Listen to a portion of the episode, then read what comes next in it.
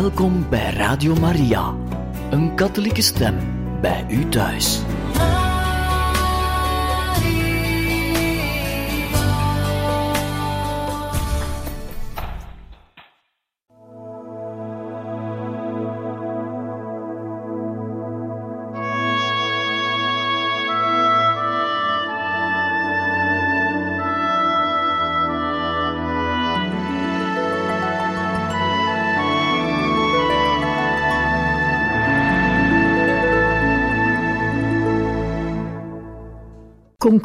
Van de retraite van Johannes de 23ste. Mijn goede monseigneur Cavagna, laat mij de conclusie zien in de episode van de wonderbare visvangst, die eindigt met de dialoog tussen Jezus en Petrus, met het antwoord van Jezus tot hem en de toevoeging: wijd mijn lammeren, wijd mijn schapen. Een grote kracht ligt in deze goddelijke woorden. De investituur van de paus tot de taak van universeel herder tegenover de drievoudige verzekering van liefde van zijn kant aan Jezus gegeven, die zich verwaardigd heeft hierom met zachte aandrang te vragen. De liefde staat dus in het midden. Jezus vraagt haar aan Petrus en Petrus geeft hem de verzekering van zijn liefde. De opvolger van Petrus weet dat in zijn persoon en in zijn activiteit de genade aanwezig is en de wet van de liefde, die alles in stand houdt, bezielt en verfraait. Ten overstaan van de gehele wereld verheft de Heilige Kerk zich in een uitwisseling van liefde tussen Jezus en hem, Simon of Petrus, de zoon van Johannes, als op een onzichtbare en tevens zichtbare steun.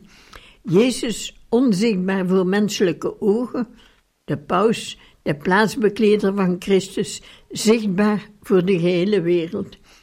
Als ik goed nadenk over dit mysterie van mijn innige liefde tussen Jezus en zijn plaatsvervanger op aarde, welke eer en welke heerlijkheid is dit dan voor mij, maar tegelijkertijd welke reden tot beschaming vanwege mijn geringheid en vanwege het weinige dat ik beteken. Mijn leven moet geheel en al uit liefde tot Jezus bestaan en tegelijkertijd uit een stroom van goedheid en opoffering voor iedereen afzonderlijk en voor de gehele wereld gezamenlijk. Vanuit de evangelische episode, waaruit de liefde van de paus tot Jezus spreekt en door zijn tussenkomst tot de mensen, volgt onmiddellijk de overgang tot de wet van het offer. Het is Jezus zelf die deze aan Petrus aankondigt. Voorwaar, voorwaar, ik zeg u, toen gij jong waart, deed gij zelf uw gordel om en ging waarheen gij wilde. Wanneer gij echter oud zijt, zult gij uw handen uitstrekken, en een ander zal u omgorden en u brengen waarheen gij niet wilt. Door de genade van de Heer ben ik het, wanneer gij oud zijt, nog niet ingegaan. Maar nu ik eenmaal mijn tachtigste jaar bereikt heb, ben ik wel op de drempel ervan aangekomen. Ik moet mij dus gereed houden voor het laatste gedeelte van mijn leven, waar mij beperkingen en offers wachten, tot aan het offer van het lichamelijk leven en het zich ontsluiten van het eeuwig leven. O Jezus, hier sta ik gereed om mijn nu wel trillende en zwakke handen uit te strekken, om toe te laten dat een ander mij zal helpen bij het aankleden en mij op mijn weg zal ondersteunen. O Heer, gij hebt tegen Petrus gezegd, en u brengen waarheen gij niet wilt. O, na zoveel genade die gij mij in overmaat gedurende mijn lange leven hebt geschonken, is er niets meer dat ik niet wil. Gij hebt mij de weg ontsloten, o Jezus. Ik zal u volgen, waarheen gij ook gaat, tot het offer, tot de vernedering, tot de dood. Anderen worden pas na hun dood met het hemelgeluk gezegend en in de glorie opgenomen nadat zij de palm hebben behaald. De gedachte aan de dood, wellicht nabij, in ieder geval niet veraf, doet mij denken aan Sint Jozef, die mij zo dierbaar is en die mij met recht vereerd wordt als een patroon van de stervende.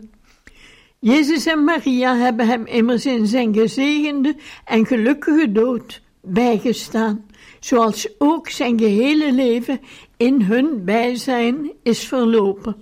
Het gezang van de kerk vervolgt deze aanroep. Gij echter geniet, zoals de hemelingen, hier reeds van God, en zijt door een uitzonderlijke beschikking gelukkiger dan zij. Hoe heerlijk vind ik het de laatste aantekeningen van mijn retraite te besluiten met de laatste strofe van de hymne van, die de kerk richt tot de heilige drie-eenheid.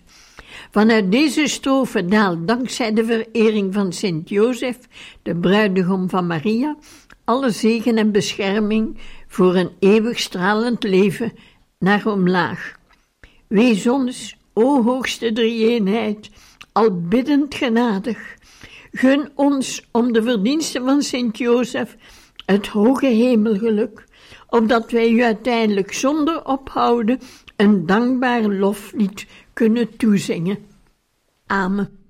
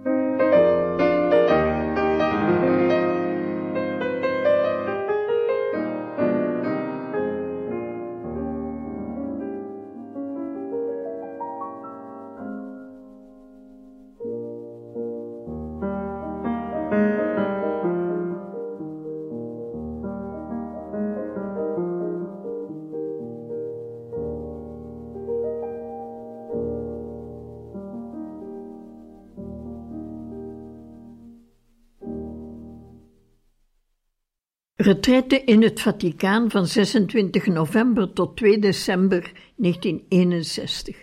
Predikant Pater Ilarino da Milano, Capucijn. Korte aantekeningen. 1. Ik denk opnieuw aan hetgeen ik bemediteerde en schreef ter gelegenheid van mijn tachtigste verjaardag in de eenzaamheid van Castel Gandolfo, samen met Monsignor Alfredo Cavagna, mijn biechtvader. 2. Het feit dat ik toen 80 jaar werd en dat dit jaar nu ook weer voorbij is, verontrust mij niet. Ik ben integendeel rustig en vol vertrouwen. Alles is gebleven zoals het was. Ik wens niets anders dan dat wat de Heer mij blijft schenken. Ik dank Hem en ik zegen Hem, dag in, dag uit, gereed tot alles. 3. Ik ontdek in mijn lichaam symptomen van een of andere kwaal, hetgeen normaal is op mijn leeftijd. Ik verdraag het geduldig, wanneer het soms wat ongemak geeft en ook omdat ik mij soms zorgen maak dat het erger zal worden. Het is niet goed er te veel aan te denken, maar nogmaals, ik weet dat ik tot alles bereid ben. 4. Ik geniet van de voldoening die ik ondervind bij het trouw vervullen van mijn godsdienstige plichten. De heilige mis, het brevier, het driemaal bidden van het rozenhoedje met overdenking van de geheimen, de voortdurende verbondenheid met God en met geestelijke belangen. 5. De bediening van het woord, dat inhoud moet hebben en nooit leeg mag zijn, geeft mij een verlangen naar een diepere benadering van hetgeen de grote pausen uit de oudheid hebben geschreven. In deze maanden word ik meer en meer vertrouwd met de heilige Leo de Grote en Innocentius III. Jammer genoeg bekommeren weinig priesters zich om deze figuren die zo rijk zijn aan theologische leer en pastorale richtlijnen. Ik zal nooit moe worden te putten uit deze kostbare bronnen van theologische wetenschap en uitzonderlijk schone poëzie. 6. Maar bovenal wil ik mij met zorg toeleggen op een religieuze verbondenheid met de Heer, door voortdurend een rustig en liefdevol gesprek te houden met Hem, het Woord van de Vader dat vlees geworden is, het middelpunt en het leven van het mystieke lichaam, en in een doortrekken van het broeder zijn met God, met de God-mens, waardoor ik een aangenomen broeder ben van Hem en samen met Hem een zoon van Maria, zijn moeder. 7. Op deze verwantschap rust de taak en de waardigheid van opperpriester van de Heilige Katholieke Kerk en van plaatsbekleder van Christus, zoals men mij beschouwt. O, hoe voel ik de betekenis en de innigheid van het Heer, ik ben niet waardig, van elke morgen met de hostie in de hand, zowel een zegel van nederigheid als van liefde. 8. Het aanstaande tweede ecumenisch concilie neemt een groot gedeelte van mijn dagelijkse bezigheden in beslag. De gedachte en de wens komen bij mij op om in mijn dagelijks gebed op officiële en universele wijze het gebed van de gehele katholieke, wereldlijke en reguliere klerus te betrekken als ook dat van de religieuze vrouwelijke congregaties. Ik zal een gelukkige ingeving afwachten om hen uit te nodigen.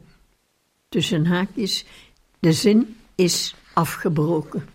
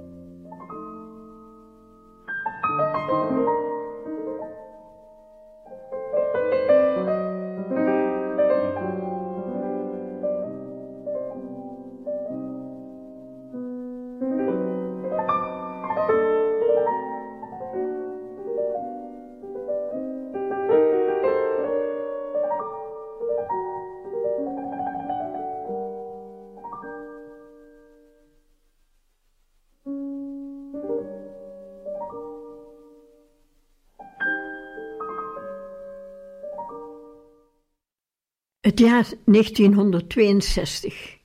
Juli-augustus 1962. Het verblijf de Castel Gandolfo voor het gewone en wat meer geordende werk dat nu eenmaal samengaat met de loop van de dagelijkse gebeurtenissen in het leven van de kerk, heeft mij in staat gesteld het concilie bij de voorbereidingen te volgen. Hierbij waren bijzonder van belang de grote audiënties die, als ik zo zeggen mag, een wat overdadig karakter hadden, omdat vertegenwoordigingen van alle landen ter wereld eraan deelnamen. Zij waren vol geestelijke en godsdienstige bezieling, altijd doortrokken van een zuiver en vroom enthousiasme, hetgeen een verheffende bijdrage is tot optimisme. Duidelijk providentieel lijkt mij het feit dat al deze Italiaanse en nog meer de buitenlandse groeperingen die naar Rome samenstromen, onmiddellijk onderscheid weten te maken tussen het heilige en het profane, tussen Rome als hoofdstad van het katholicisme en als zetel van het allesomvattende pausschap en het Rome van de oude ruïnes en van de maalstroom van wereldlijk en werelds leven, dat ook langs de oevers van de Tiber voortraast. Dit alles heeft echter als voordeel een wederzijds respect voor de verschillende menselijke elementen en legt zonder enige verbittering contact tussen Italianen en niet-Italianen. Van zijn kant is de paus geslaagd in zijn voornemen dat men overal goed ontvangen heeft en zich volledig te wijden aan de zaken van het geloof, de genade en het pastoreel godsdienstig leven, terwijl hij zich afzijdig houdt van welke politieke inmenging ook. De woorden uit de Heilige Schrift over de houding van de oude aartsvader Jacob te midden van zijn zonen, van rechts en van links. Citaat: De vader nam het voorval zwijgend in ogenschouw, zijn in goede aarde gevallen. Iedereen wist zich te beheersen met mate. Einde citaat. Regering en stadsbestuur zijn reeds bezig om zo goed mogelijk samen te werken tot het tweeledige doel, namelijk dat het concilie Rome waardig zal zijn uit het oogpunt van het geestelijk bestuur over heel de wereld, en dat Rome bij de voorbereidingen op het gebied van de verschillende voorzieningen voor de gastvrijheidsverlening van de stad en van de eer die bewezen moet worden aan haar gasten die hier uit de gehele wereld bijeengekomen zijn, de beste herinneringen uit het verleden mogen overtreffen.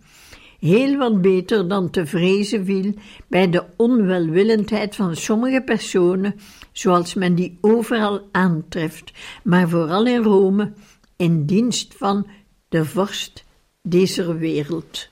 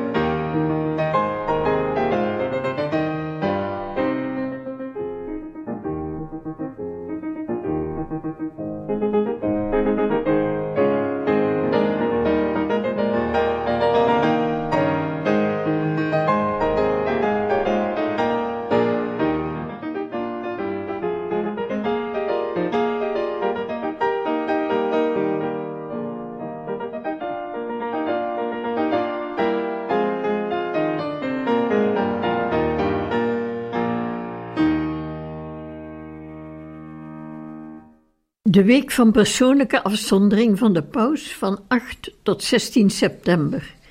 Zaterdag 8 september.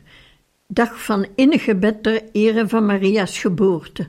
Nauwgezette lezing van het definitieve reglement voor het verloop van het concilie.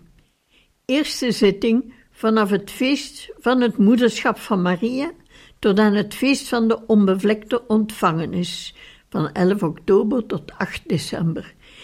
Ik heb met zorg de 70 artikelen van dit reglement doorgenomen, omdat men daarop dikwijls zal moeten teruggrijpen. Zondag 9 september. Voorbereiding in het Vaticaan op mijn retraite in de toren van Sint-Jan, waar ik van plan ben heen te gaan om er het resterende gedeelte van deze week te blijven. Alleen toegang hebben de kardinaal-staatssecretaris als het nodig is. En iedere dag om elf uur Pater Chappi, ceremoniarius van het pauselijk paleis, om samen met hem wat te oefenen in het correct spreken van het Latijn, wanneer dit, en voor zover dit nodig mocht zijn, tijdens de algemene bijeenkomsten van het concilie, die door mij voorgelezen zullen worden. Daarboven komt dagelijks van vier tot vijf uur de weleerwaarde pater Cavagna, mijn biechtvader. Maandag 10 september. Al vroeg en in stilte vergezel ik monseigneur Loris Capovilla bij het overbrengen van het sacrament uit de kapel van het Vaticaan naar de kapel van de toren van Sint-Jan, waar ik op gelukkige wijze een begin maak met mijn algehele afzondering voor het concilie. Deze retraite is gisterenavond op bijzondere devote wijze begonnen met het bijna onverwachte bezoek aan de kerk van Maria ter Engelen. Ik nam het me voor als een strikt persoonlijk bezoek, maar door de toeloop van het volk is het uitzonderlijk plechtig geworden. Mijn voornemen om een goede afzondering te houden, moet ik deze keer geheel op de omstandigheden afstemmen. Het zijn immers de dagen van voorbereiding voor het concilie. En daarom spreekt het vanzelf dat ik mijn meditaties hiermee in overeenstemming moet brengen. Hier gaat alles om de voorbereiding van de geest van de paus op het concilie, om de voorbereiding tot de openingsrede die de gehele te Rome samengestroomde wereld verwacht, zoals zij ook grote aandacht heeft getoond voor de toespraak die juist vanavond in de gehele wereld over de radio beluisterd werd. Om ter concentratie van mijn geest toch een richtlijn aan mijn gedachten te geven, heb ik mij voorgenomen om deze concentratie te baseren op de drie goddelijke deugden: geloof, hoop en liefde, en op de vier kardinale deugden: voorzichtigheid, rechtvaardigheid, sterkte en matigheid.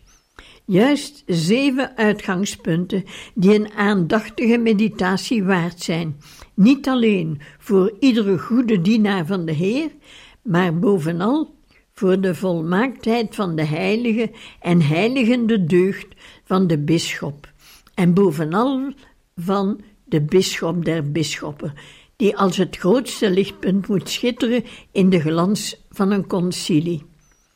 Dit is dus de volgende, dit is dus de volgorde van de data en de punten van de meditatie. Zondag 9 september, onder de bescherming van Maria ter Engelen. Maandag 10, geloof en hoop. Dinsdag 11, liefde. Woensdag 12, voorzichtigheid. Donderdag 13, rechtvaardigheid. Vrijdag 14, sterkte. Zaterdag 15, matigheid.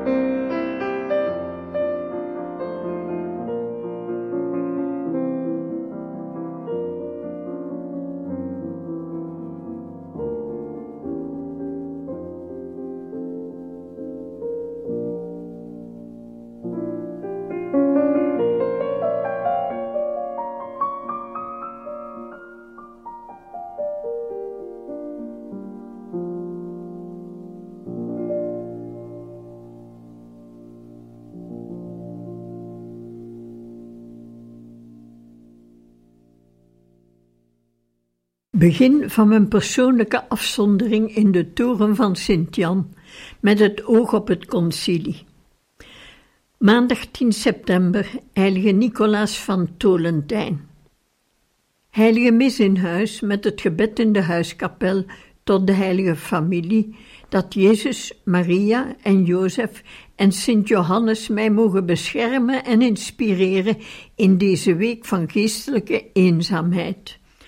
Na de heilige mis nam monseigneur Loris in volledige stilte het sacrament uit het tabernakel en ik begeleidde hem om het hier in de toren te plaatsen op het Chinese altaar in de nieuwe kapel, wat mij altijd zal herinneren aan het missiegeheim in het leven van de paus.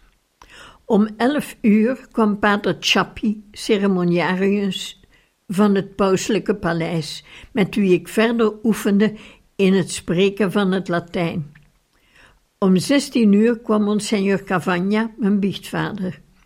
Ik zie heel goed dat de zorg om het concilie te dienen de voorrang zal hebben boven de gewone vorm van de zogezegde retraite. Maar wat is het leven van een paus ooit anders dan een dagelijkse voortzetting van een ware retraite voor de redding van zijn ziel, die erop gericht is de zielen te redden van alle die door Christus, de Verlosser van de wereld, zijn vrijgekocht. Woensdag 12 september, feest van Maria's naam.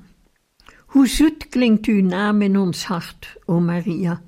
Alles wat dierbaar is, komt uit uw naam. Het schone beeld van liefde dat uw naam mij leerde, wekt vurig begeren, mij in het hart. Deze versregels vormen het begin van het eerste gedicht dat ik als jongen leerde, en ik leerde het uit het tweede boekje dat men op de lagere school gebruikte. Mijn eerste schooljaar bracht ik door in het huis dat toen bekend stond als het huis van Camaitino, het eerste huis op de hoek van het zogenaamde plein, wanneer men van de politiepost komt. Aan de overkant was het winkeltje van Rosa Bonanomi en haar zuster Marianne, die altijd ziek was. Het moet het jaar 1886 of 87 geweest zijn.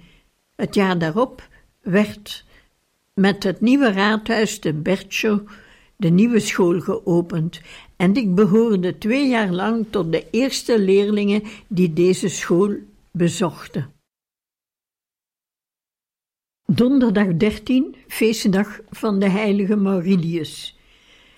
Rechtvaardigheid is een algemene deugd. Bij kardinaal Mercier las ik eens dat het bezit van deze deugd een grote inzet vereist al dus ook een woord uit Ecclesiasticus. Strijd voor de rechtvaardigheid ter wille van uw ziel en strijd tot de dood toe voor de rechtvaardigheid, dan zal God in uw plaats tegen de vijanden strijden. Wat een prachtige stukken, ook verder in dit vierde hoofdstuk, en wat een rijkdom aan onderricht voor het inwendige leven, voor het persoonlijke en openbare leven. Intussen zet ik mijn geestelijke gesprekken in het Latijn met pater Chappi voort en later in de namiddag met Monsignor Cavagna, mijn biechtvader. Helaas staan de zorgen die mij ook hier nog volgen, mij niet toe dieper op de stof in te gaan. Maar alles helpt mij om mij moed en geestelijk genot te schenken in alles. En dat is het wat ik in mijn ambt nodig heb. Zaterdag 15, feestdag van de heilige Nicomedes.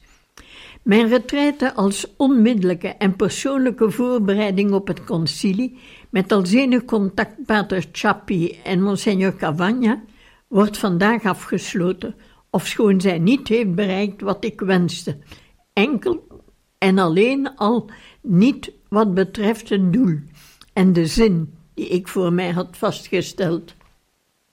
Het was echter een goed voorbeeld. Ik aanvaarde geen inmenging in zaken die met mijn voorbereiding op het concilie niet in onmiddellijk verband stonden, en ik permitteerde mij geen lectuur of iets dergelijks. Er was een zeer sterke aandacht om verbonden te zijn met de Heer in gebeden en gedachten, in soepel en vastbesloten willen.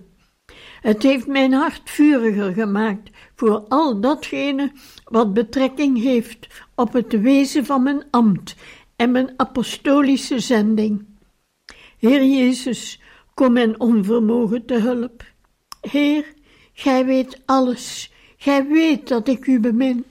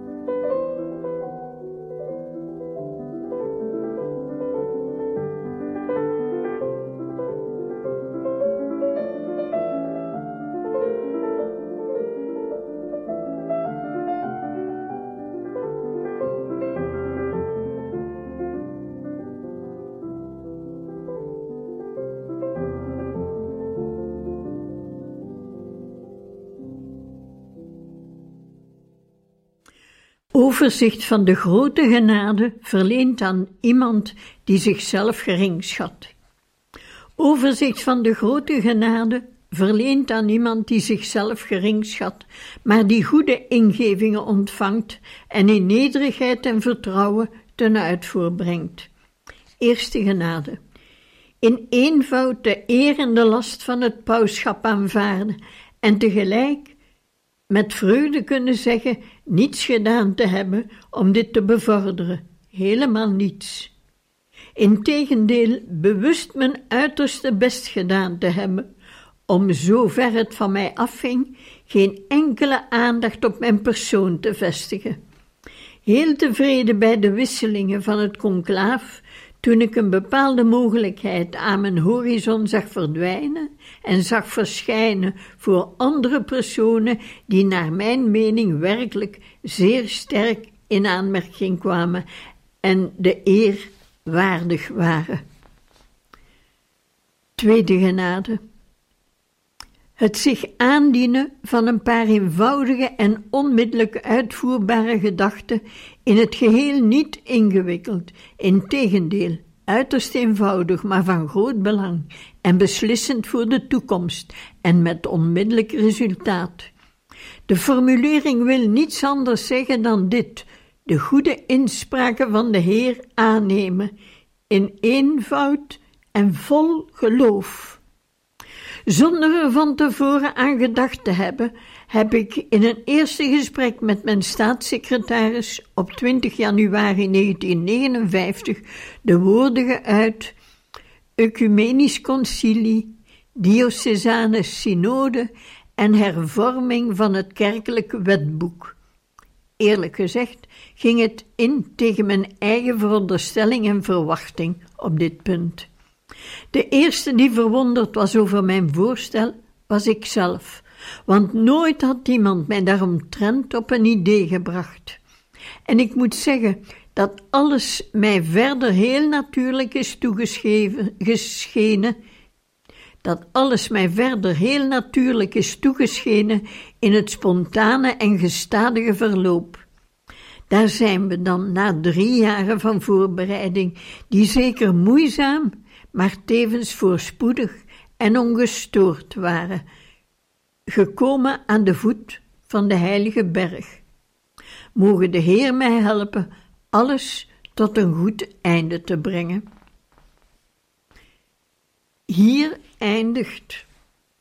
het dagboek van Paus Johannes de 23ste.